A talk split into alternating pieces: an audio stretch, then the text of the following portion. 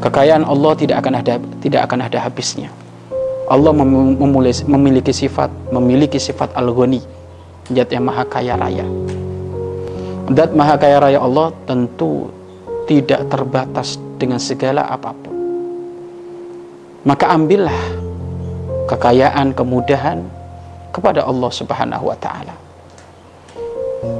Jangan pernah engkau menggantungkan bahwasanya hasil rezekimu dari bosmu, pemimpinmu, atau dari tokomu, atau dari usahamu.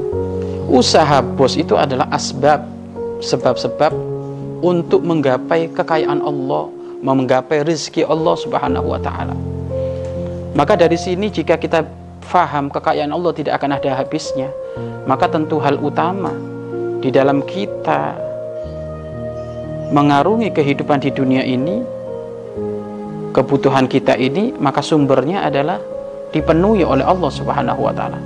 Jika sumbernya dipenuhi oleh Allah Subhanahu wa taala, karena kita adalah seorang hamba yang sumber untuk terpenuhinya semuanya dari Allah, maka andalkan Allah.